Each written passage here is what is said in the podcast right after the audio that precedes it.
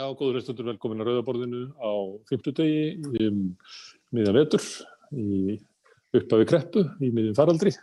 Við höldum áfram að velta fyrir okkur samferðinu sem við lifum í en svona því að við erum komin inn á aðvenduna þá hérna ætla ég að bjóða upp á eldgamla vangaveltu. Það er hvort að Jésu Kristur hafi verið sósélisti. Og til þess að, að svara þessu og fleirum spurningum sem að tengjast því efni eru komnir hingar fjórir guðfræðingar og prestar. Það er Kristín Þórun Tómasdóttir, Örd Bárður Jónsson, Ása Björk Ólafsdóttir og Davíð Þór Jónsson og verið velkomin. Hérna, ef ég var að vinda okkur í þetta, Ása Björk, má ég byrja á því að spyrja þig, var Jésu Kristur, var hann sósialisti? Já, mér ákveður að byrja bara á að segja að Jésu Kristur er. Það er ekki bara var. Hann er náttúrulega spurning hvort að sósialisti er endla rétta orði, ég held að hann hafi verið mun rótækar en það til að byrja byltingamadur og hérna talsmaður hinna, hinna rallausu, uh, þeirra sem stóðu höllum fæti, þeirra sem minna, minna máttu sín og minna meiga sín í dag að sjálfsögðu. Og við sem á störfum í kirkjónum, við náttúrulega sem talsmenn Kris, að við erum í því að hjálpa. Við erum ekki litli kongar eða drottningar upp, á, upp í breytugunastóla að segja fögur orð og og tala löðrænt. Við erum, við erum út í samfélaginu að, að hjálpa fólki og aðstóða og hérna í, í döblin eða diblinni þá, hérna, þá til dæmis eitt af mínum stóru verkefnum fyrir jólin er ekki að skrifa jólaprettinganirnar sem auðvitað stifta miklu máli en það er að, að hérna, útvöða mat handa fólki sem á í erfileikum og það er rauninni þar sem að sko já ef að það er ekki sósialismi þá kannski kannski er hægt að segja að Jésu er sósialista einhverju leiti en fyrst og fremst, fremst hérna byltinga, byltingamadur og vildi velta um öllum sem sagt auðjöfrum og, og þessum förstu reglum. Við lifum í mjög lifandi kirkju og það er það sem við lærum frá Jésu. Það er að bregðast alltaf við aðstæðum og nú náttúrulega COVID tímum þá eru aðstæðum mér breyttar, mér stilst að Ísland, á Íslandi séu kirkjurnar lokaðar, það eru voru að opna hérna, ég var með mína fyrstu messu í dag, sagt, eh, hérna alltarisgöngu í meiri viku og síðan er verið sunnudagun og það er gríðaleg spenna. En á sama tíma veit ég að við þurfum að takmarka okkur við 50 manns og það er eiginlega ómögulegt að jólum. Þannig að fólk þarf að bóka sig inn. Þetta er mjög sérkjulegu tími en ef við hugsim bara um Eiri Ekkjunar þá náttúrulega hún er dregin fram sem, sem hérna uh, sem fyrirmynd í anda Jésu þannig að ég held að við séum, við erum ansi uh, langt vinstra megin við miðjuna ef við tölum um Jésu. Hmm. Davíð Þór, Ása segir að Jésu hafi verið byltingamæður, hann hérna hafnaði bæði ríkisvaldi og kirkju síns tíma, begði sig undir bóðvald þess? Er hann, er hann hérna sko anti-establishment anti og anti-kapiðlisti? Hann, hann er það náttúrulega alveg, alveg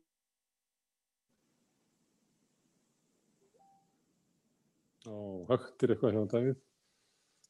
Alveg, alveg tvímanalust, en fyrst og fremst hvað ég var spurður var Jésús Kristur sósialisti, þá myndi ég segja afturátturlega, nei hann var ekki sósialisti einfallega vegna þess að, að það var ekki búið að finna upp hugtakið þá, þegar, þegar hann var á meðal okkar í holdinu altså.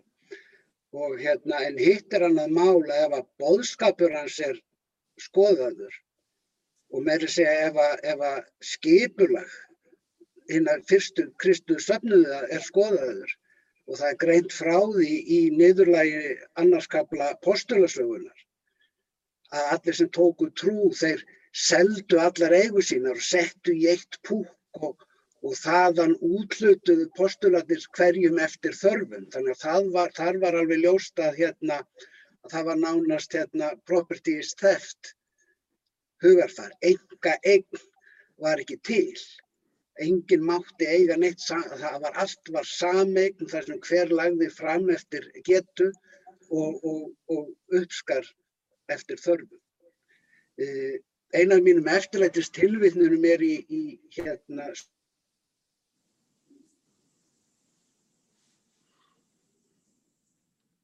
Það er eitthvað lélegt sambandi hjá Davíð. suðuramerískan biskup Helder Camara sem marxískar guðfræði að hérna að hann sagði sem sagt þegar ég gef hinnum fátæku brauð þá er ég kallaður dýrlingur en þegar ég spyr af hverju hinn er fátæku eigi ekki brauð þá er ég kallaður kommunisti.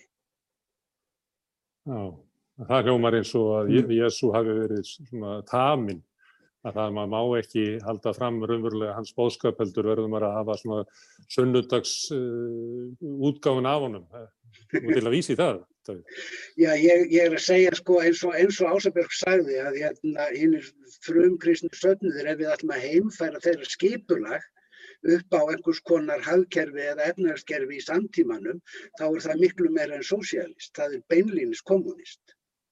Mm. Uh, en, hérna, en ég myndi nú samt ekki segja að Jésús hefði verið sósialist og þar vil ég til dæmis benda á að Jésús talar aldrei beinlýnis gegn þrælahaldi. Hann talar um réttindi þræla og það er að koma manneskulega fram við þá og hann talar um andlega frelsun þeirra en hann hvetur aldrei til þræla uppreysnar eða talar gegn stopnuninni uh, þrælahalsins sem slíkri. Mm. Þannig hann er ekki svona... Það er ekki margar sér æmisögur í, í, í þrælahald síns tíma Já. og enda, enda kom hugmyndin um samfélag án þrælahalds ekki fram fyrir mörgum öldum síðar í mannkynnsögunni sko hjá, hjá framsæknustu og siðmynduðustu þjóðu. Hmm. Þannig hann var ekki svona stjættar hann var ekki marxisti sem skilgrindi sögun út frá stjettum og hafði trú á því að hinn er fyrstu eða hinn er síðustu, hinn er lagsettu, myndir rýsa upp og verða fyrstir. Það er ekki alveg bóðskapurinn þannig, ekki stjettarlegu. Hann, hann beinlinni segir einstað ekki rýsa upp gegn þeim sem kúar ykkur. Heldur, heldur, heldur sigriða með myrtinni, sko.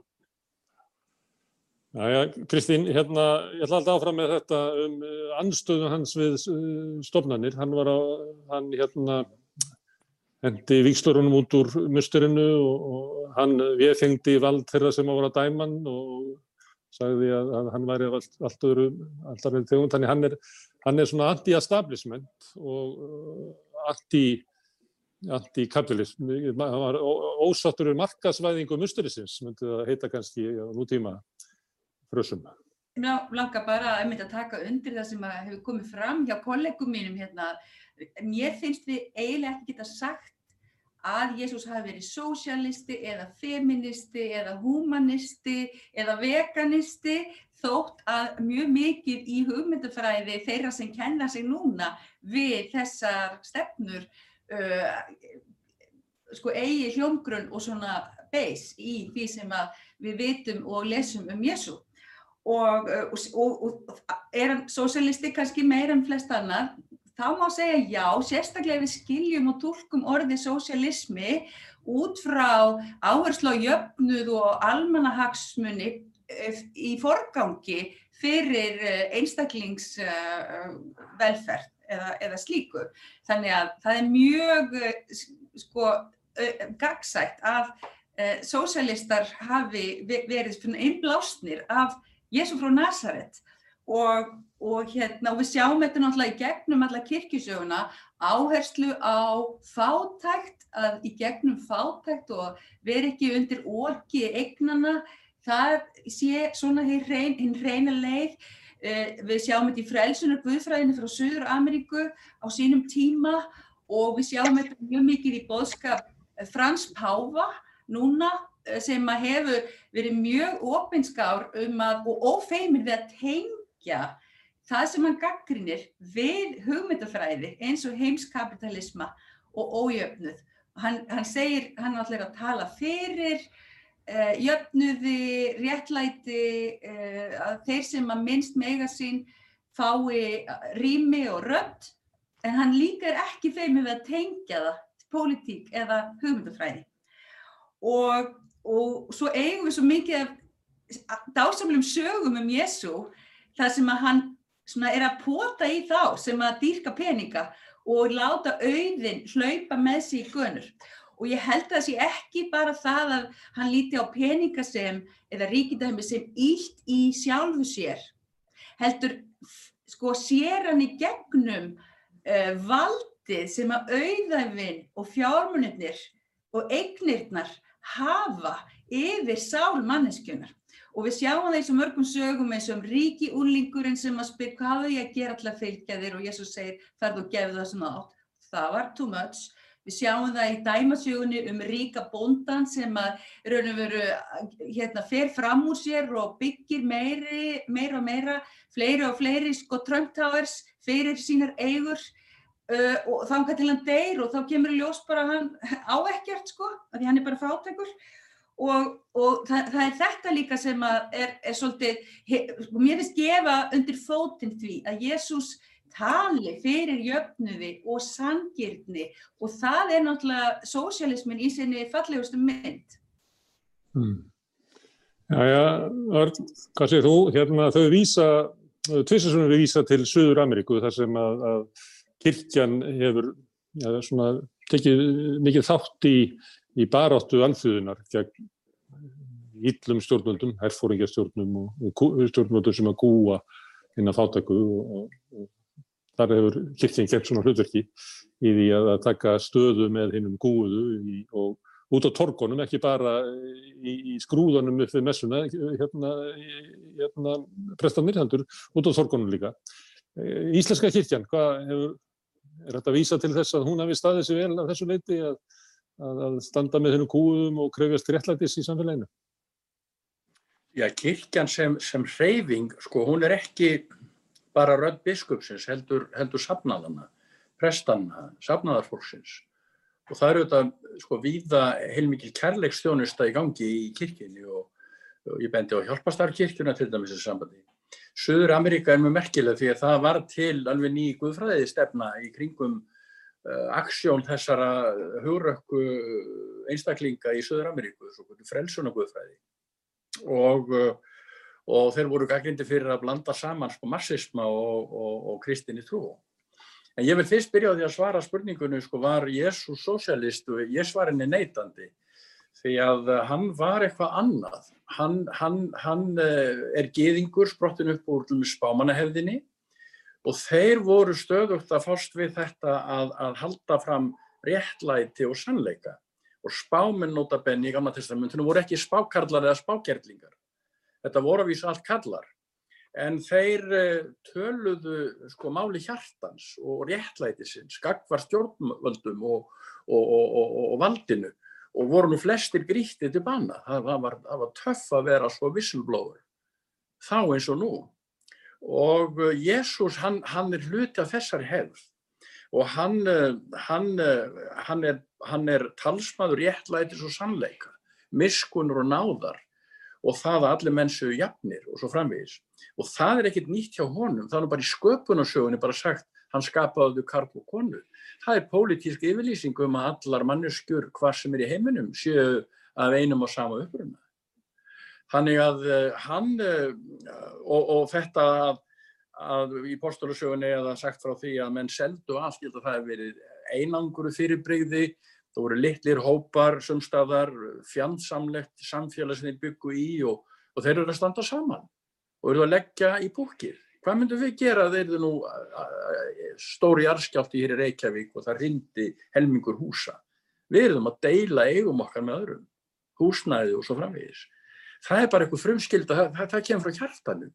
Kerfin get ekkert verið sko kærleiksrík eða miskunnsum. Það er bara manneskjurnar sem að tilheyra kerfunum. Og ef við ætlum að tala um sósialisma þá erum við þetta líka, held ég að skilgreina sko hvað er sósialismi. Hann er náttúrulega svona miðstýrt kerfi þar sem að eh, ríkið eða verkamennir eiga framleiðslutækin og, og, og selja eh, vöruna eða þjónustuna og, og stjórna sölun á því og uh, þvinga jafnvel skiptingu gæðana Og, slík kerfi náttúrulega voru ekki til á, á, á dögum Jésu, þannig að sósialismi, hann er eitthvað allt annað en það vilja svo margar stefnur nutta sér utan í krist, bæði hægri, til hægri og vinstri. Mm. Það er til stjórnmálaflokkar sem heita kristilegir demokrater og þeir eru alls ekki sósialistar. Nei, nei, sko það er, þetta er nú, uh, í Þískalandi er það ekki aðalega katholski armurinn sem kallar sig kristilega demokrata Eh, Ég er nú ekki nógu kunnur politíkinni þar en, en uh, jú, það hefur verið stopnað slíki flokkar og það hefur ekki tekist hér á Íslandi, það hefur verið reynd. En, um, en kristnin hefur eins og vegar mótað sko Evrópulönd og, og Vesturlönd gríðarlega mikið og ég vitna oft í Páli Heitin Skúlason heimsbygging og fyrir verið þetta háskólarektor, hann talaði um hugsanafljótið sem að Vesturlönd hafa alla sína visku úr og hugsanarfljótið það er, er, er mynd á tveimur, tveimur, tveimur strömmum. Það er annars vegar geðinkristinn strömmur og hins vegar grískur filosófiskur strömmur. Og þegar þetta tvennt kemur saman, þá myndast hugsanarfljótið og það, hugsanarfljótið er mjög forsend allra vísindeitkunar og, og allra, allra okkar hugmynda um réttlátt þjóðfélag. Allar okkar hugmyndir um, um manneskjuna, um jafnrétti og, og, og lífskjör og annað. Það er sprottið úr þessum jarði. Mm. Að- Ef ég má- koma inn að þess að því við erum búin að tala svo vel um Suður-Ameríku og Páan í Róm og, og allt það, þá hérna eru náttúrulega Norðurlöndin sem eru í ákveðnu tilliti fyrir mynd eh, þeirra sem vilja kalla sig sósælista í dag, til dæmis Bernie okkar Sanders, hann talar alltaf um Danmörku, Svíþjóð, Noreg, það eru, og það er náttúrulega þessi hérna, mótmælenda hefð, sem einhvern veginn almanna velferðin hefur virkilega verið sett í forgrunn og er náttúrulega löngu orðið sekuler og úr tengslum við allt sem að heitir eitthvað trúaleg en, en á öruglega hérna, uppsprettu sína í fljótonum sem að Örn Börðu var að, var að vísa í. Mm. Og kannski, ef hún gætir jáfnvel haldið því fram að, að sósaldemokratin á Norðurlundunum ætti líka rættur í, í leikmannakirkjunni sem að er svona ákveðin uh, stjættabilding innan kirkjunar í, í Já, og Nóri og Svíþjóð og víð- víðar, þannig að hún gæti gert það. Algjörlega, algjörlega og mér langar svo það sem að ég fór strax að hugsa um þegar við hérna vorum að spá ég hafa þetta spjall. Það er hérna tekstur um Mattius 25 að því að við erum nýbúin að predika út frá því um sko, Jésu segir, ég var hungraður og þið gáðu mér að borða og ég var þeistur og þið gáðu mér að drekka, ég var í fangilsu heimsóttu mig og svo framvegis og, og hérna og, og svo við hinn hópin, þið heimsóttu mig ekki, þið gáðu mér ekki að borða, þið hérna, hérna, syndu mér ekki og þar er ábyrgnin sett á einstaklingin sem er mjög áhugavert. Því þarna er oft gaggrinnin á uh, sósíalist kerfi og jafnvel velferðarkerfin, norrænu, er að maður einhvern veginn getur látið sér falla og lá- látið uh, kerfið sjá um sig. Og mér finnst Mattius 25 vera svo áhugavert vegna þess að þar lætur Jésús uh, sko á heyrundu sína hugsa virkilega hvað gerði ég í þessari stöðu? Og það aftur koma að, kemur að því sem að Ásabjörg sagði um uh, ábyrgð kirkjunar í sínu samfélagi að þegar það er neyð einhver staðar þá er það í raun og veru hérna, up to us, þú veist, hvers, hvers og eins að, að bræðast við því og ekki býða eftir að velferðar neti bjergi og taka móti. En við getum líklega bara tekið þátt í að byggja upp velferðarnetið og það getur verið hluti af, af góðu verkonum okkar, eða ekki? Ég held að við gerum það. Þegar ég kom hérna í þannig söfnusýri núna fyrir átta árum, það gaf ég mér ári að svona sjá hvar, hvernig landi lægi og, og opnaði svo matareldús og við sem sagt uh, uh, gáfum uh, matareitum sem verið 50 til 70 manns uh, hádegisverð þreysar í viku og tveimur og hálfu ári síðar þá loksins kom stórt svona hérna, góðgerðafélag sem að tók yfir. Ég held alltaf að þetta yrðu nokkri mánuður og þá myndi bærin sjá þörfina og taka við þessu, taka keflið en þetta tók þennan tíma. En þetta rakið einungis á gjöfum, já reyndar uh, bæði kirkna og, og fyrirtækja og einstaklinga og mikið einstaklinga fólk kom, ég kom í hérna, bók, blómabúðina hérna í hverfinu og hún sagði, heyrðu, ég er með ávísun fyrir þig sem ég ætla alltaf að láta þig fá. Þar komið 200-300 eurur, þetta er svo, þannig að sko einstaklingar mynda samfélag Mm. og hérna, og þetta er nákvæmlega það sem að Kristín Þórun segir, þarna, sem sagt, gáfum við fólki að borða, þetta voru utangarðsfólk, þetta voru útigangs, útigangsfólk, þetta var alls konar, við vildum auðvitað fá blöndu þarna inn vegna þess að það er svo magnað að sjá sko samspilið og hafa bækur og fött og ímislegt. En þetta er bara eitthvað sem að gerðist og Írar eru svo áðbóðslega góð, eða gjafmildir og hafa svo sko stórt hjarta og hér þykir fólki eðlilegt að gefa sko 1-2% af tekjum sínum eða tíma sínum til að hjálpa Mm. þeim sem minna mega sín. Ása, mér langar að spyrja þig að því að fórum enda til Suður Ameríku þar sem að kirkjan gegnir svona hlutverki þar sem er ríkisvald og svo er og stjórnmála starfi haldi niðri þannig að, að, að þá verður kirkjan svona farvegur, það er svona ríki í ríkinu að, að það, sumurlöndum þá getur hún orðið farvegur anstöðu við ríkisvaldið. Og það er náttúrulega, þannig var það á Írlandi í sjálfstæðisbarátunni þar sem að kúarinn var mótmælendundur hinni með sundið og þar nændi spilaði kirkjan ríkan þátt í sjálfsmynd Íra en, en, og það var það að það var ríki þeirra meðan þeir byggu inn í ríki sem að þeir hérna litu ekki á að það væri þeirra heldur væri það hinna. Uh, nú eru þeir náttúrulega orðnir sjálfstæður allavega sunnamegin Mm. er þá ekki svona uh, samfélagslegt hlutverk kirkjunar grefst ekki þá hratt undan því þegar að, að þetta hlutverkennar er, er farið. ekki þegar á reynir, þá er kirkjan styrkurinn þegar hérna uh, við sko prestar eru fengnir í allt mögulegt, ekki bara að blessa hérna nýjar, nýjar uh, verslunamiðstöðvar eða, eða bátabryggjur eða eitthvað slíkt heldur hérna þegar að uh, þegar döðsfall hefur orðið, það var til dæmis hérna lögreglumadur, myrtur hérna fyrir bara nokkrum mánuðum og þá var fyrst hringt í mig og ég beði um að koma og leiða hérna bænastund og í, í hérna fyrir utan lauruglustöðina í hverfinu hér. Og ég held að þetta var, ég væri bara með svona smá bæn og blessun og svo var eitthvað annað, nei þá var þetta, það var grunnurinn að öllu. Þetta var sem sagt það sem að bóða var til, það var þessi bænastund. Og hérna, þannig að sko kirkjan gegnir stóru hlutverki hérna.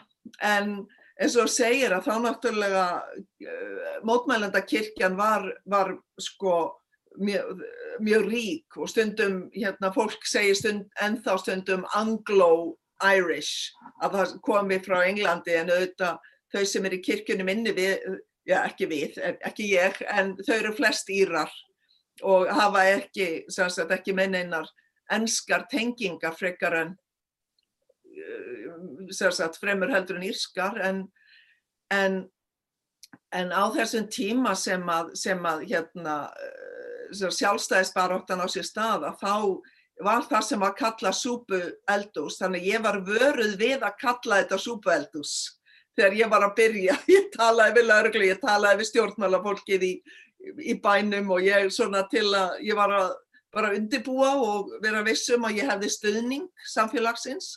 Og þá var ég hérna beðin um að íhuga eitthvað annað orð heldur en súpueldús vegna þess að það tengdi fólk beint við það að hérna mótmælendakirkjan á sínu tíma, hún bauð hérna sveltandi almúanum súpu en í staðin þurftu þau að vera í, í, í aðtöfn og helst að mæta oftar heldur en bara þau fengu súpu en það líka var til þess að þau fengu súpu. En hérna þetta var svona þetta var notað sem vopn en auðvitað við gerðum þetta ekki þannig og þetta í rauninni varð að hérna samkirkilegu átaki vegna þess að allir sjálfbóðaliðarnir, ég var með 50 sjálfbóðaliða og sjálfbóðaliðarnir voru úr öllum kirkjudeildum og, og sumir ekki og neittni kirkjudeild þannig að það var svolítið magnað að, hérna, að upplifa það Má ég koma aðeins inn hérna? Já, þetta er svel. Sko, ég, sko, ef ég tala um íslensku þjóðkirkjuna, þá held ég sko að Sko við, við höfum búið, ef við tökum bara síðustu öld, sko, þá býr kirkjan í þessu samfélagi sem er í mótun og er að taka upp alls konar nýja hluti og það er barist fyrir, fyrir alls konar velferð og, og, og, og þjónustu við fólk og kirkjan leitt þá á sig sem fyrst og fremst bara predikunastólinn sem, sem kvatti almenning til þess að, þess að láta um sig muna í þjóðfélaginu. Og það eru til Guðfræðistefnum sem gangi út á það að, að kirkjan á bara að predika mannúðina og miskunina og samhjálpina og, og svo fólk að fara út og, og, og framkvæma það. Ég held að hins vegar að núna á, á setni árum ég hef sagt að oft í kirkjunni að, að, að söfnuðinni Vítabreyfjörlandið ættu að stór ebla, stór ebla líknarþjónust og hjálparþjónust og hjálparstarf og ekki bara eh, tala um það á predikunastólum, heldur að framkama eins og Ása hefur verið að lýsa fyrir okkur á Írlandi. En svo auðvitað spyrmaður og það er kannski, sko, vorum að tala um frelsuna Guðfræðin í Söður Ameríku, á hverju á hverju var órétturinn svona mikill í Söður, Söður Ameríku? Í þessu rómansku löndum sem eru svo heitlandi og skemmtilegu, bæði í Evrópu og Söður Ameríku. Á hverju er órétturinn meiri þar kannski heldur en annar staðar? Og þá komum við að þessu sem Kristín var að benda á hérna að eftirsóstur löndin í veröldinni, það eru Norðurlöndin, það eru lútersku löndin sem hafa verið mótuð af ákveðinni ákveðum siði í 400 ár. Og gleymum því ekki að það, er, það eru mótmælendinni sem byrja sko fræðslu ungmenna og, og, og, og fermingafræðslu og allt þetta. Og ég var um að hlusta núna á sjálfstætt fólk í útvarpunni sem Arnar Jónsson er að lesa stórkostlegu lestur þó hann sé 20 ára gammal og þar er Bjartur að ræða við sko við hefstjáran eða einhvern veginn um það nú þurfi nú þurfi hérna dóttirinn að fara í fræðslu og hann er á móti fermingafræðslunni en, en það er líka verið að kenna almenn sko, verið að kenna lestur og skrift og landafræði og sög og allt. Þetta var skólinn í, í, í, í leiðinni og skólinn á Íslandi hann á uppbrunna sinn í þessu og, og, og heilbriðiskerfi líka, við mögum ekki gleyma því. Þetta er sprotti úr þessum, þessum bakgrunni. Og uh, baráttan í Söður Ameríku, hún er náttúrulega við spilt öll og, og Jésús uh, barðist auðvitað gegn spillingu. Hann gerði það, þó hann hafi ekki talað gegn auðsöfnun eða öðru og það eru marga dæmisögur Jésú, eins og dæmisögan til dæmis um menninu sem fengu hver sína uppæðu átt að ávakstana og svo fyrsti grófan í jörðu, næsti grætti tífalt og þriðji hundrafalt og, og þeim var hægt en sá sem að grófi jörðu, sá sem ekki var kapitalistinn og ekki veldi krónunni, hann var skammaður. Þannig að það er svona sko, það er að finna þarna, margt og lesa margt út af biblíunni. Hmm, það var ekki verið að vísa í orð Guðs eða hérna, við förum í hlustum þessar kvartningu svo að það segja áðan og, og ég fer heim og ger ekkert við það, en að þú ferð og, og tekur kvartningunni. Sjálfsögðu, sjálfsögðu.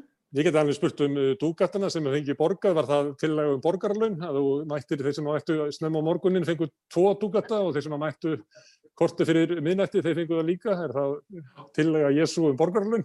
Já, ég held um að þessi saga, þessi dæmisaga, hún fjalli ekki um kaup og kjör. Hún fjallar um það að geðingarnir töldu að þeir sem ekki höfðu verið geðingar um aldir eða tengdust þeim, þeir ættu ekki vist í himmaríki.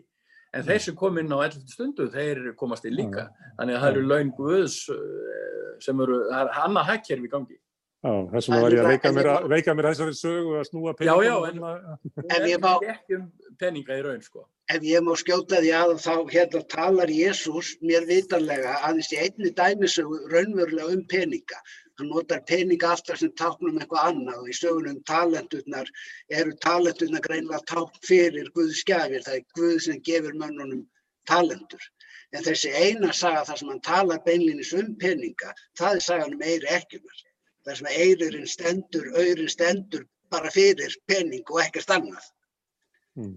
Og hann fullir þar að ekkjan hafi gefið miklu meira en ríkumennir sem að dældu sjóðum í, í, hérna, í bauginn vegna þess að hún gaf að fátækt sinni en þeir gaf að vauði sínum. Það er að segja þó að hún gefi bara einn eyri þá gaf hún miklu herra hlutfall af því sem hún var, það sem hún átti umleikis, heldur en hinnir sem að voru að gefa háar fjárhæðir og, og, og letur náttúrulega alla sjá hvað þeir væru gjafmildur og að gefa. Og þetta er tiltölu auðvelt að, að heimfæra sem, sem beinan kristilegan áróður fyrir uh, hátengjurskatti. hey, en annar, Davíð Þór, ég man eftir annari sögu um pening, bókstallega, og já. hún er líka kona sem kemur við sögu. Og já, þetta týndi, um, um, tí, kona sem týndi dúkatanum. Og, hún, og það er dúkatinn náttúrulega einmitt takk fyrir sko ást Guðs á manneskjunni og hún týnir þessum pening sem er greinlega mjög verðmættur og hún hættir ekki fyrir hún er búin að fara um allt gólfið og, og lýsa upp og finnur hann Þetta er svona innlegg í jólarhengjörninguna. Já, já, já, já. Svo mælir það hann líka, svo Það mælir er ekki Jésu nú með, að peningurinn standi fyrir eitthvað annað heldur en, annað heldur en krónur og öyra. Sko. Mm. svo mælir Jésu líka með því að fólk borgi skattið sinn á tíma, eða ekki? Það er líka peningasaga. Peningasaga. Já, já. Nei, reyndar, reyndar, ertu að tala um keis, það sem keisarans er? Mm. Það er reyndar, það er reyndar, ég var að lesa mjög áhugaverða riðskilnum þann texta vegna þess að, að fyrir gýðingum var alveg ljóst hvað Guðs var. Guðs var ríkið, landið og þjóðin sem þýðir að það hérna að hann er beinlinis að fullir að Rómverjar hafi ekki átt neitt tilkall til yfirráða yfir, yfir landi eða líð gýðinga. Þannig að þegar hann sér í gjaldi keisarinn þar sem keisarinn sér og Guði þar sem Guðs er, þá er hann í raun og verið að segja hérna, Rómverjar farið heim, land okkar er ekki og þjóð er ekki ykkar, við erum ekki ykkar þegnar, þetta er ekki ykkar land, heldur erum við þegnar Guðs og þetta er Guðs land. Nú, Þannig að það var mjög- að að sunnundaskóla, mjög, mjög klár Romans go home áróður. Já, en að því ég er í sunnundaskóla verða ekki rétt muna hjá mér að hérna að hann hafi sendt Pétur niður á strönd að, að sækja peningin í munnin á fiski sem hann viti og hann borgaði tóndendumundunum. Já, Þannig að þetta Rómverjar go home náði nú ekki alveg, hann alltaf borgaði. Bóti. má, má ég aðeins pikka upp uh, frá spurningunni Gunnars Mári til Arnar Bárðar um íslensku þjóðkirkjuna og allt það. Og að því að í byrjun, þegar ég man ekki hvort við vorum byrjuð að senda út eða hvort við vorum bara að hita okkur upp, þá myndist einhver hérna á bókina Félagi Jésús sem kom út í íslensku þýðingu Þórarins Eldjáts árið 1978 og uh, var sko blásinu vegna andstöðu leiðtóa trúfélaga á boðskap bókarinnar og, og, og það gekk kannski biskup þjóðkirkjunar sem að þá náttúrulega gríðarlega öflugt veldi, trúveldi eh, fremstur í flokki en þarna voru líka þarna voru líka kvítasunnumenn og aðventistar og aðrir. Og, og það sem þeir höfðu við þessa bóka aðtug var að þetta væri hörmuleg skrumskæling og heimildum.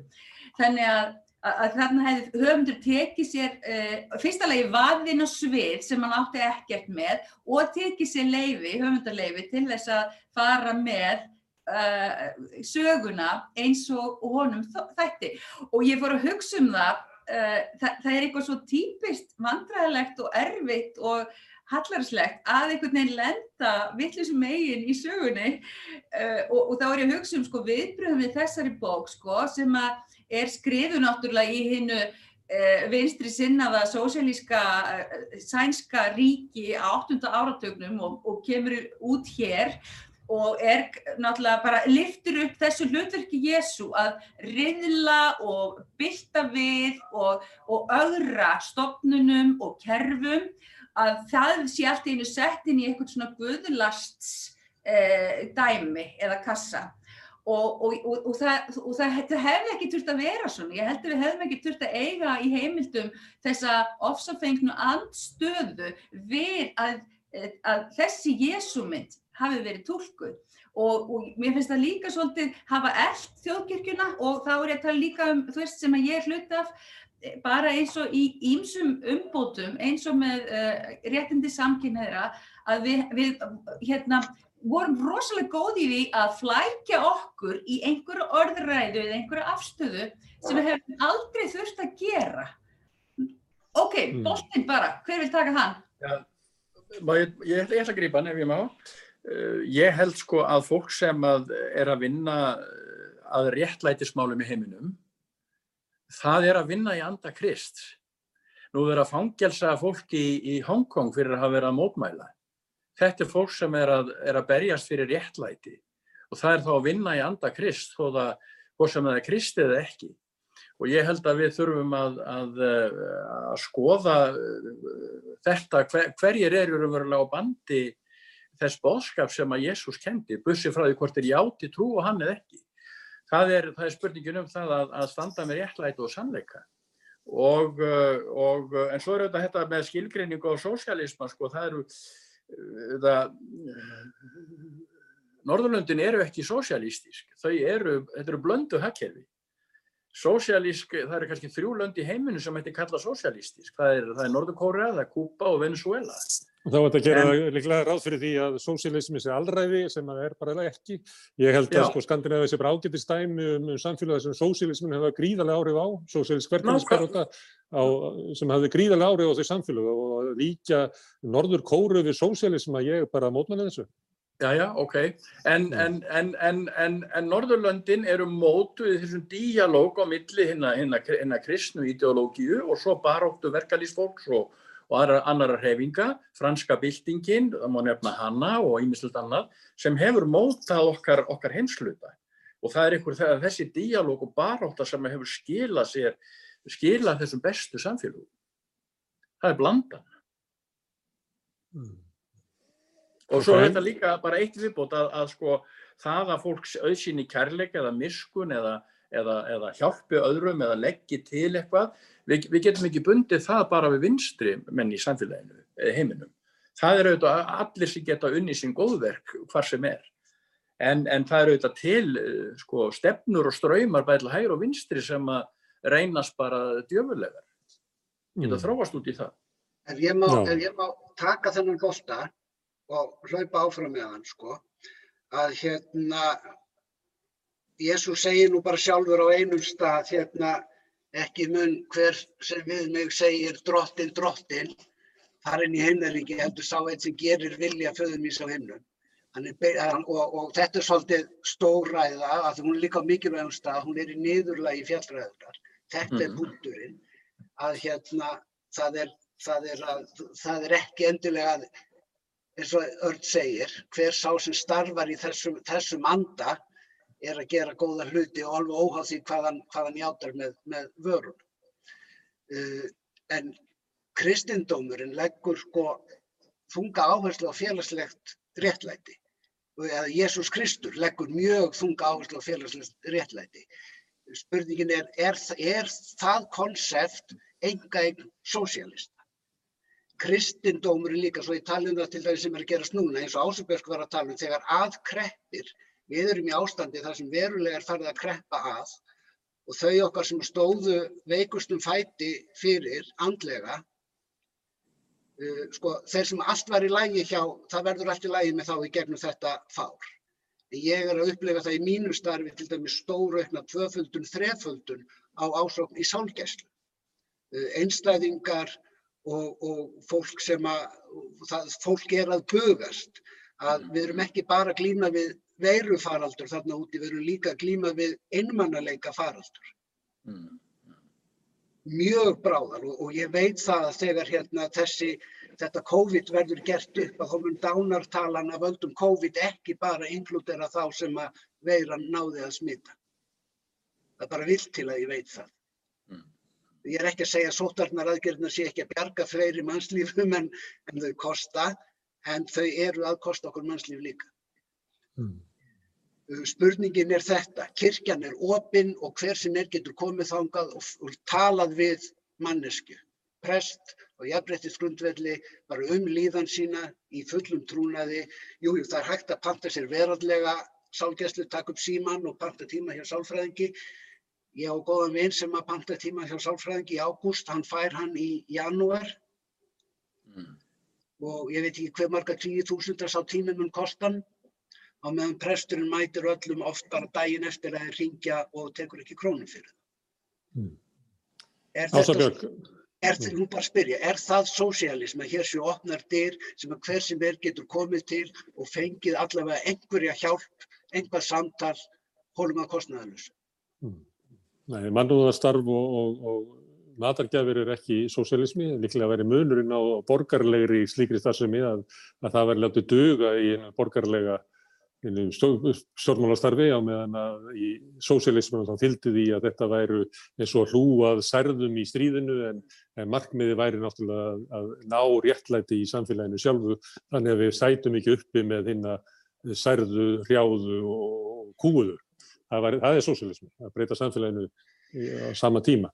Hérna, að því að eh, Kristín var að tala um, um íslensku kirkjuna og, og að hérna hún hefði, og að við verðum að tala um það, að fólk hérna gerir alls konar hluti í nafni Chris og meðal annars að, að, að standa í vegi fyrir gaggríni umræðu skoðanaskiptum, svona þessi hugmyndum að, að hérna, var, viðhalda því sem áður hefur verið. Hún vísaði í viðbröðum við hérna, félaga Jésu og svo kannski um, um baróttu samkynniðra fyrir réttlæti í samfélaginu að þá þvældi kirkjan sig í endalusar útskýringar að þetta verður nú kannski ekki alveg rétti tímin og rétta formið og rétti staðurinn og rétta stundin og ég veit ekki hvað eins og oft er viðbröð íhaldsins við einhverjum breytingum. Eh, Ása Björg er hérna, þetta er náttúrulega hluti af, af sögu kirkjunar að, að vera íhaldsum og, og raunverulega ekki taka undir hérna, réttlætisgröfur í samfélaginu og það, við getum ekki neyta því. En það er ekki hluti af bóðun Chris. Þannig að kirkjan þarf ekki, Kristur er góður en kirkjan þarf ekki alltaf að vera það. Mm. Ég hérna, verð bara að koma hérna út úr skápnu með það að hérna, því ég var unglingur og var búin að vera í Ísrael í heilt sumar að þá hérna, tók ég þá eh, ákvörðun að láta ekki ferma mig, eða fermast ekki vegna þess að ég upplifði á þeim tíma og við erum að tala um vantarlega þetta ár sem að bókin sem Kristín Þórun var að tala um kom út. Síðan fer ég hérna aftur til Ísrael sömari eftir og málið er að ég, hérna, ég, var, all, ég var alltaf mjög trúabann og unglingur. En hérna ólst upp í, í umhverfi þar sem það var ekkert endilega, það var ekki endilega sko kvart til þess þó að sko mikill hérna jöfnuður og, og allt það væri, væri í gangi að þá var kristin trú ekkert sérstaklega í umræðinni en þannig ég hérna ég held þessu svolítið fyrir mig og þegar ég let ekki ferma mig þá heldu skólafélagar mínir í, í Vesturbænum að, að ég var í trúlaus og uh, ég satt í, í tímum þar sem þau töluðum hérna uh, hestin sem þú átti að fá í fermingagjöfi að þetta eða hitt. Og fyrir mér það að kirkjan séti leifa þessa að leifa þessari já, mandómsvíkslu eða hvað við kallum að staðfestingu á, á okkar trú sem, sem næstund í fullburða mannestjur hérna væri, væri í lægi. Ég, ég, mér fannst það svo mikið fyrra og það er ekki fyrir mörgum, mörgum árum síðar sem að því ég var búin að vera, ég fór til Ísrael og ég dvaldi þar mánuðum saman á sömrin árum saman og svo aftur sem ung kona og móðir að það var ekki fyrir en hérna þriði á síðasta vatni mitt var fendt að ég fendi sem sagt vikunni eftir þá í, í hérna messu í árdegis, árdegis hérna söfnunum í, í Hallgrímskirkju og var mér alveg gríðarlega dýrmætt stund og allt, allt það sem á undan gekk var ekki vegna þess að ég var í kristin heldur vegna þess að mér, ég upplifði kirkjuna ekki taka afstöðu sem prestur og, og reyndar áður en ég var prestur þá fann ég Íslenski þjóðkirkjuna vera breytast. Og ég fann að það var meira hlustað og sjálf þá tekið mjög ákveðna afstöðu í fyrsta, ferming, fyrsta fermingafræðslu tímanum þá skrifa krakkarnir hvers vegna þau séu komin og hvers vegna þau ætla að láta ferma sig ef það er. Mörg koma í fræðsluna og taka síðan ákverðun og ég, ég skoð ekki þetta blað en ég geimi þá síðan hérna byrði ég þau um að gera það sama í síðasta tímanum og læta þau fá blaði og við berum saman og það er alveg magnað en auðvitað við tökum mannréttindarsáttmála saminuðu þjóðan og við tökum borðin tíu og við vinnum þetta saman. Þannig að sko kirkjan hefur hérna, finnst mér hérna gengi langa en farsæla göngu á margan hátt en auðvitað má alltaf gera betur. Þarna, mér langar svo skjótin það sem að ásæra að lifta upp að eh, sko starf Krists á jörðu það er ekki bara í gegnum stopnununa kirkjuna það, er, það hefur skoti rótum í gegnum alls konar samfélög eins og samnöðu þjóðarnar og, og þetta leiðir huga minn að e, þessari spennu sem er alltaf á milli því sem við segjum sko upphafshreyfingu trúabræða sem er byltingarkend, sem hristir upp í, sem breytir og síðan trúabröðunum sjálfum sem að eðlilega eða náttúrulega verða mjög íhald samar stopnarnir vegna þess að þau eru einhvern veginn sett til þess að halda og standa vörð um uh, það sem er sagt, siði, svona hefur þetta nú alltaf verið gert og svona er þetta nú eitthvað sliðis og þarna, þessa spennu finnum við sannarlega í sko, hvað sem við störfum sem prestar og hvað sem við erum sem kristnir einstaklingar. Ég veit bara að koma því að. Þá er það ekki með hverju á að salta saltið þegar það dofnar? Já. Uh, ef ég má koma hérna inn, sko, það er auðvitað, sko, kirkjan í gegnum, sko, það hefur við sínt fram á það gegnum félagsfræðina. Dr. Pétur Pétursson, félagsfræðingur og guðfræðingur, hann, hann síndi fram, fram á það í annari sínum tveimu doktorsveitgerðum að það tekur, tekur, tekur reyfingu sem, er, sem byrja sem reyfing þrjár kynnslóður að verða established. Og hann tók fyrir kvítarsunurreyfingun á Íslandi og í Grænlandi, ef maður rétt, og Færiðum. Og, og uh, allar svona græsrótarhefingar, þær, þær fara, þær, þær þróast í félag sem verður established og, og staðnar og verður síðan að brjóta skurðinu og reyna að komast út og, og finna sér nýja leið. Og kirkjan í 2000 ár, hún auðvitað búin að vera í, í þessari veldu og þessari ringar ás enda laust og erfitt að dæma uh, fyrri tíðar fólk hvernig það brást við alls konar hlutum og það er verið að velta því upp hér á Íslandi, sko, hvernig var hér uh, á, á 17. öld, sko, það var verið að hálsauka menn og drekja konum og allt þetta og, og það var síslumadurinn og presturinn sem að, sko, voru þarna fulltrú á kóngsins og stóði þessu og, og hvað ef þeir hefði ekki hlýtt sjálfur, þá hefði þeir verið höfnir, sko. Og hvar myndi maður sjálfur vera í slíku, slíku ofríki? Hvernig, hvernig stóðu kristnirmennsi í Þískalandi? Þar voru, þar var bara minni hluti sem að sem að gerði uppreysn mót nazismannum meðan að þjóðin öll, hún einhvern veginn bara var heilaðvegin. Þannig að uh, þetta er alltaf spurningum sko einstaklingin, hvernig hann bregst við og, og við hvaða ógnir hann býr. Og það er erfitt fyrir okkur að dæma fyrirtíðar fólk og segja þetta fólk var svona og það var á móti samkynnið um allt þetta. Og kirkjan, hún tók sér góðan tíma í þetta Íslandi að, að fara í gegnum mál samkynniðra og kom bara með eina fyrstu kirkjum veraldar með, með niðurstöðu sem er fín. En hún gaf sér í það einhver, einhver, einhver 20 árið að svo í umræðuna.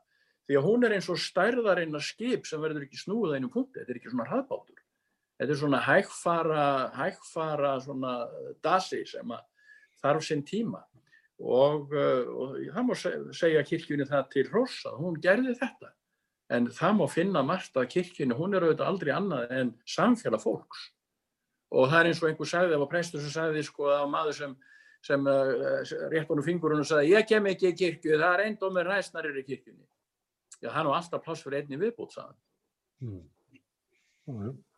En þetta með, hérna, að því að komum svolítið inn á þann hérna með félagi Jésu og kannski Jésu sem gaggrínanda og óvægin og kassirtan og öðru slíku og annað slíkt sem að vissulega má sjá sér staði í testamentunum. Að kannski sá Jésús sem hefur verið að halda af okkur í kannski í kirkjunni, hann er svona blíðari og fríðari söðingi meiri Davíð, þú ert frægur fyrir að vera kassistur eða varst það allavega árum áður og ert það ennþá sem prestur held ég.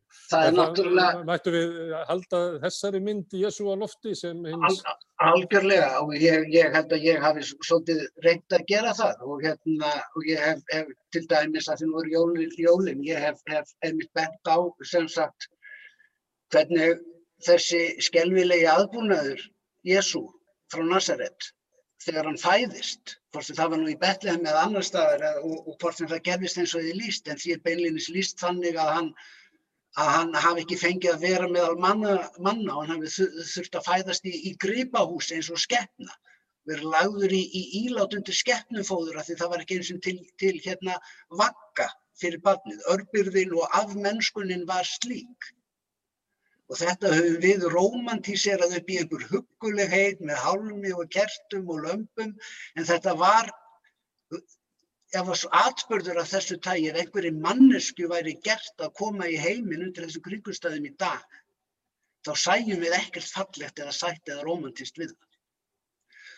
Og kannski er það mesta sögufölsunin sem kirkjan hefur gert segum var þegar hún tók söguna af Jésu frá Nazaret og gerði hana við hæfi barna og, og, og fór að segja frá hann í sunnudagaskóla. Öllu blóðinu, öllu ofbeldinu, öllu misréttinu. Þetta er maður sem fæðist í, í fasísku veldi, herrveldi, lögregluríki þar sem að mannréttindi eru fótuntróðin, þess að líðurinn er miskunnarlaust pyntaður, hann er krossfestur sem er aftöku aðferð sem að miðar ekki að því að aflífa hinn dæmda heldur að því að murka úr honum lífið á eins hægan og kvalafullan og niðurlægjandi hátt og rómerska heimsveldinu gæti dottið huga hægt væri að gera. Öðrum til aðvörunar, til að, að, að hræða fólk til að, til, til að hafa sér hægt. Þannig að jæna, hérna, auðvitað þurfum við, og, og það tel ég mig gera hvernig sem fæ tækifæri til þess, að tala um byltingamannin Jésu frá Nazaret og, og, og draga upp hérna réttu mynd á hann. Þetta er maður sem var tekin af lífi fyrir glæp sem hann var segur um. Það var, krossfesting Jésu var ekkert dómsmorð. Það var farið að lögum í einu öllu við afgreyslu hans mála. Þannig að, að, að hérna, þannig að... Það var meiri sig að sko þjóðratkvæðagreysla þar sem að hann tapaði en bara bara svann. Ég veit ekki hvort það sé innleggin í það hvort þau um að þjóðararkvæða þetta. Það ásir vist enga stóð í neinum sagfræðilegum heimildum að það hefur verið gert. Það er sannlega búið til setna til að, til að, hérna, til að hérna, krydda söguna og, og, koma, og gera, gera geðingarna ennþá ljótari og segari í, í augum, augum lesendana. Mm. Það stendur upp úr að, það?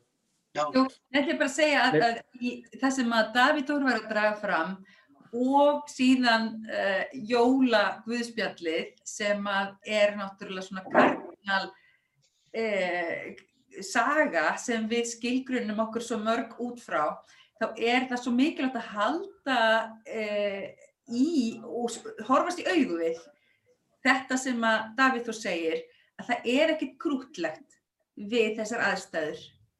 En það er samt á sama tíma í þessu sama guðspjalli rödd frá himn, himnum, englar og þarna allt í einu fær hið hæsta og það fallegasta og það réttlátasta og það besta það fær tengingu við þessa ömulegu jarðvist sem getur sundum verið og ekki gleyma því að það eru alltaf margi sem fæðast við þessar aðstæður Nákvæmlega. og geia við þessar aðstæður.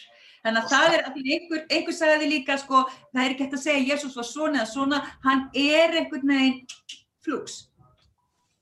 Og það Briljansin við jólagvöðspjalli er líka að sá að, að, að við komum öll í heiminn og sama hátt. Það er að segja sem ómálga börn, sem þörnuðust umhyggju og, og elsku og allt það. En Jésús var auðvitað sko tekin að lífi fyrir rótteknísina, það ég ætla ekki að sko draga neina fjöður yfir það hann var byltingamæður í þeim skilningi að hann augraði órétti og hann augraði valdi og hann var dæmdur fyrir það og drepin fyrir það. Davíð Þór, þú varst að reyna ná orðinu? Já, ég ætla bara að segja það þegar og svo er sagan, þú veist, af þessum kringumstæðum, ég var nú bara að lýsa leikmyndinni, en sagan er auðvitað um það að það er þarna þar sem mannleg eind og niðurlæging er svörtust og ljótust, þar sem afmennskunin er algjör, það er þar sem Guð kemur til okkar í líki manns. Mm. Guð fæðist ekki í musterinu eða í konungsöllinni. Hann fæðist í fjárhúsinu. Mm.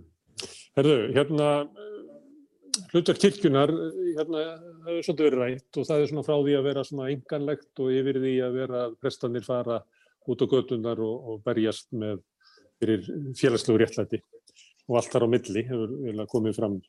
Mér langar að í staðin fyrir að spyrja ykkur hvernig það er eða hvernig það hefur verið að spyrja ykkur hérna hvar myndu þið vilja að, að kirkjan staðsetti sig? Og ég byrja á þér ása, hvort að það sé þannig að ég höfða til okkur svona engalega um að við hérna, breytum rétt í lífinu, að hún eigi að koma og hlúa þinnum særðu og söngu eða hvort hún eigi að fara út á á gödunar og krefjast réttlætis með þeim sem eru að berjast fyrir félagslegu réttlæti og gegn húnarvaldinu. Ég held að við, við séum út á götunni, mörg okkar allavega og hérna og, og í rauninni sagt, við náttúrulega verðum að standa og við, það er okkar köllun að standa með þeim sem minna meira sín og uh, fólk talar um að, hérna, að presta vinni á sunnudögum og vinni einungis á sunnudögum sem alltaf við vitum öll að er fyrra en hérna en það eru mjög fáir sem vita af öllu því sem við gerum á bakvið tjöldin. Og hérna þannig að við erum, við erum út á göttunni akkurat í þessari hérna þessu alheims faraldri núna erum við hérna við síman og með síman út á göttunni vegna þess að við erum að, við erum að greiða leið þeirra sem að erfið að hafa það en hérna, en að sjálfsögðu það að geta predika úr predikunarstól og reyn, reyna að höfða til þeirra sem að hérna, sem að, og leiðbeina þeim sem að hugsanlega hafa ekki fundið réttu leiðina. Það er náttúrulega eitthvað sem við gerum en, en hérna, við erum út á göttunum. Stundum erum við sínilega og stundum ekki en mörg okkar sem hér erum höfum til dæmis gengið í hérna, í, í hérna í Gay Pride og hérna með, með sko, ég, ég gerði nú þarna einhvern tíma úr fyrstu prestastýrtunni, klifti hann og gerði að, að stilti kirkjan öllum opinn og það er þannig sem að við eigum að sjálfsögða að vera, kirkjan á að vera öllum opinn og ég held hún sé það, ég held bara að sumt fólk kjó, kjósi að sjá það ekki. Við sem að vinnum á akrinum, við erum á akrinum allan sólarhingin. Örn, er kirkjan enganleg eða hefur hún pólutíslutverk? Og svo allt þar á milli, ég er ekkert að... Já, auðvitað hefur, og þetta hvað hún á að vera, hún á að vera á báðum stöðum, sko. Það er umverulega, kirkjan, hún hefur umverulega þrýþætt uh, hlutverk. Það er að sinna helgihaldi, kærleiksþjónustu og fræðslu. Og, og svo er aftur prestur, ég hef staðið í stólnum og, og, og talað um þjóðfélagsmál árum saman og, og verið skammaði fyrir það og fengið líka hross fyrir það. En svo hef ég sem prívatpersona tekið þátt í mótmælum og kröfugöngum og allt það og eins og stóði fyrir utan alþingishúsið yfir stórum hópi fólks og sagði við erum mótmælendur og það er tvírætt orð sko að vera mótmælendi. Ég er það sem kristinn maður og, og svo er ég það líka sem aktivisti. Og ég held að, að við höfum auðvitað þetta prívat hlutverk líka en, en, en hvað presturinn gerir sem uh, embætismadur eða ofnbjörn persóna, það er, það er þetta að sinna helgihaldi, ærleikstjónustu og fræðslu. Það er grunnurinn. Kristín, hefur kirkjan pólitísk hlutverk á bara hennu pólitíska sviði? Sko ég elska það sem að Ása Björk sagði að við erum á götunni vegna þess að það á íslensku hefur svo sértakka merkingu. Það er ekki bara við erum starfandi á götunni, þetta er við er, að vera á götunni þýðir nefnilega mjög sérstakt. Það er, það er nákvæmlega það sem að Jésús var að, ekki, að eiga sér ekki aðkvarf, að eiga, vera ekki í örygginu, að vera bara það sem að hlutinni gerast. Þannig að það finnst mér bara frábært að hlusta á það og stundum þarf kirkjan að vera sértæk samanber að þú er að segja Black Lives Matter í staðin fyrir að segja bara All Lives Matter. Gleðileg jól. Mm. Davíð Þór, hérna, ég ætla að nýta í spurninguna hjá þér að því að kom hérna spurninga á, á þráðin hjá okkur. Já. Það er maður sem að vildi spurja hvort að hverju kirkjan tæki ekki upp gröfun um svona jubileum, skuldaniðurfellingu sem maður má finna í, í Móse lögum og uh, þessi maður hann vitna mér til þess og vil tólka hérna, uh, það er voruð þannig líka að Já, ég myndi, ég myndi svara þessari spurningu ef það væri ekki maður hérna á línunni sem að ég man eftir að hafi beinlínis predikað um þetta og, og fært fyrir því mjög samfennandi rauk í kjölfarið á hruninu að hérna, ástæða verið að taka þetta upp og hann heitir Örbarður Jónsson þannig að mér langar að vísa spurningunni á, á hann því ég veit að hann hefur stúderað þetta betur en ég og mun svarinni betur en ég get gert. Ó, já. En, en, en, ég, en mér langar samt að fá að svara áður en ég gef bóttan yfir til. Arna þessari spurningu þinni um það hvar kirkjan á að vera og mitt svar er sko hún, hún er bæði, hún er hvort tvekja, það sem hún varst að lýsa. Hún má bara eflast á báðum stöðum. Það sem ég sakna er að kirkjan sé öflug og margtæk rödd í þessu samfélagi um þau siðferðilegu álitamál sem þjóðin stendur frammi fyrir hverju sinni og hún tali mjög skýrt og, og samkvæmt sínum kenningum og leifir sér að vera róttæk þegar, þegar, þegar það er, er hérna, rétta svarið. Og því miður held ég að hérna, hún hafi svolítið sjálf eða, eða leiðtóar kirkjunar hafi svolítið sjálfur talað hana út úr því hlutverki á síðustu lögunum kannski 30 árum eða svo, einfallega með því að vera eins og við vorum að tala um í sambandi við sjónavíslu sanginniða sem að fyrirhandi biskup talaði, kallaði beinlega sem væri verið að varpa uh, hjónabandinu og öskuhöfana. Við sjáum í sambandi við, við umræðuna um, um já, viðbröðum við félaga Jésu að ég held að, að því miður þá er kirkjan svolítið sjálf talað sig út úr því hlutverki með því að vera ekki takt við tíman og að það sé brínasta verkefni hennar núna er að uppdeita díalógin sinn þannig að, að, hún, að fólkið þarna úti heyri að við erum í tengslum við raunveruleikan. Við erum ekki með 300 ára gömul viðhorf til samkynneigðra eða ok, 70 ára gömul viðhorf til samkynneigðar eins eins og maður heyrði, nán, heyrði viðruð á, á prestastefnu fyrir 20-30 árum þegar, þegar þessi umræða var í gangi. Þessi því var fagnað að umræðan væri tekin í gang og svo var haldið áfram að fagna því í einhver 10-15 ár á þess að umræðan kæmist neina nokkur tíman af því stígi að, að verið væri að fagna því að hún væri að hefjast. Hmm. Það er borður, aukarspurningin er til þín. Ætti kirkjan að berjast fyrir almenni skuldanniðurfyllingu? Sko, þetta... Verði það kristilegt? Já, ég held að það megin og færi rauk fyrir því. Og geðingar kunna ímislega fyrir sér í peningamálum og það var ákveði kerfi hjá þeim þar sem á sjóra fresti áttir sér stað ákveði uppgjör og svo eftir, sko, eftir sjösunni hérna, sjösunnu sjö, sko, nei, hérna, 49. ár, 50. árið, 50. árið, þegar að, þegar að, hérna, þá, þá kom náðar árið og þá var allt strikað út. Og þetta var náttúrulega bara þjóðfélagslega aðgerð til þess að, til þess að hindra sko alveg endalausan vöxt sko eignamyndum. Og það var ákveði kerfi til þess að slétta og, núlstilla. Og uh, það er auðvitað alveg spurning sko með hvaða hætti ætti að gera slíkt. Þetta er auðvitað spurning um réttlæti. Ef erum við fylgjandi því að 10% eða minni hluti uh, fólks í heiminum eigi 90% allra auðafa. Það, það gengur ekki. Það er óréttlátt það bara gengur ekki. Og kapitalismin hefur, hefur komið þessu á.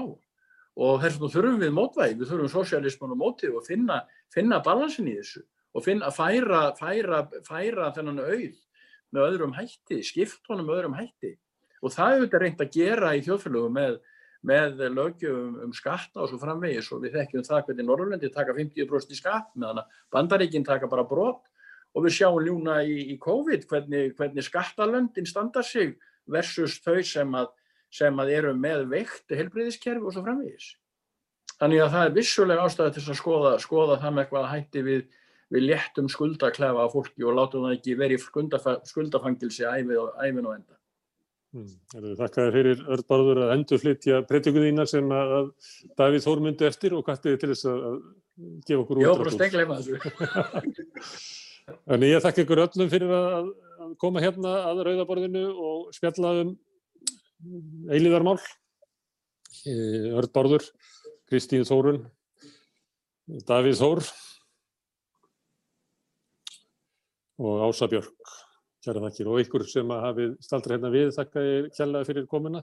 Hérna á eftir á samstöðinni er, er dasgrá, það er kaffistofan, verður hérna klukkan tíu þar sem að, að koma stór kanonur úr verkefnisreifingunni af landsbyðinni, Vilhelmur Birgisson af Akranesi og aðalsteinn Árni Baldursson frá Húsavík. Á morgun verður á dasgrá hérna á samstöðunni, það eru öryrkjar á þið klukkan þrjú þar sem að öryrkjar ræða um stöðu sína í samfélaginu. Hinn Reykjavík sem að yfirleitt fjallar um stöðu hinn að fátaku og kúuðu í Reykjavík verður klukkan 5 og svo verður rauðaborði hérna aftur klukkan uh, átta og þá mæta hér uh, fastir gestir á föstudugum og tala bladskjallandi um, um ástand samfélagsins og, og sálarlífsins. En ég þakka ykkur fyrir að staldra við í kvöld og byrja ykkur gott kvöld.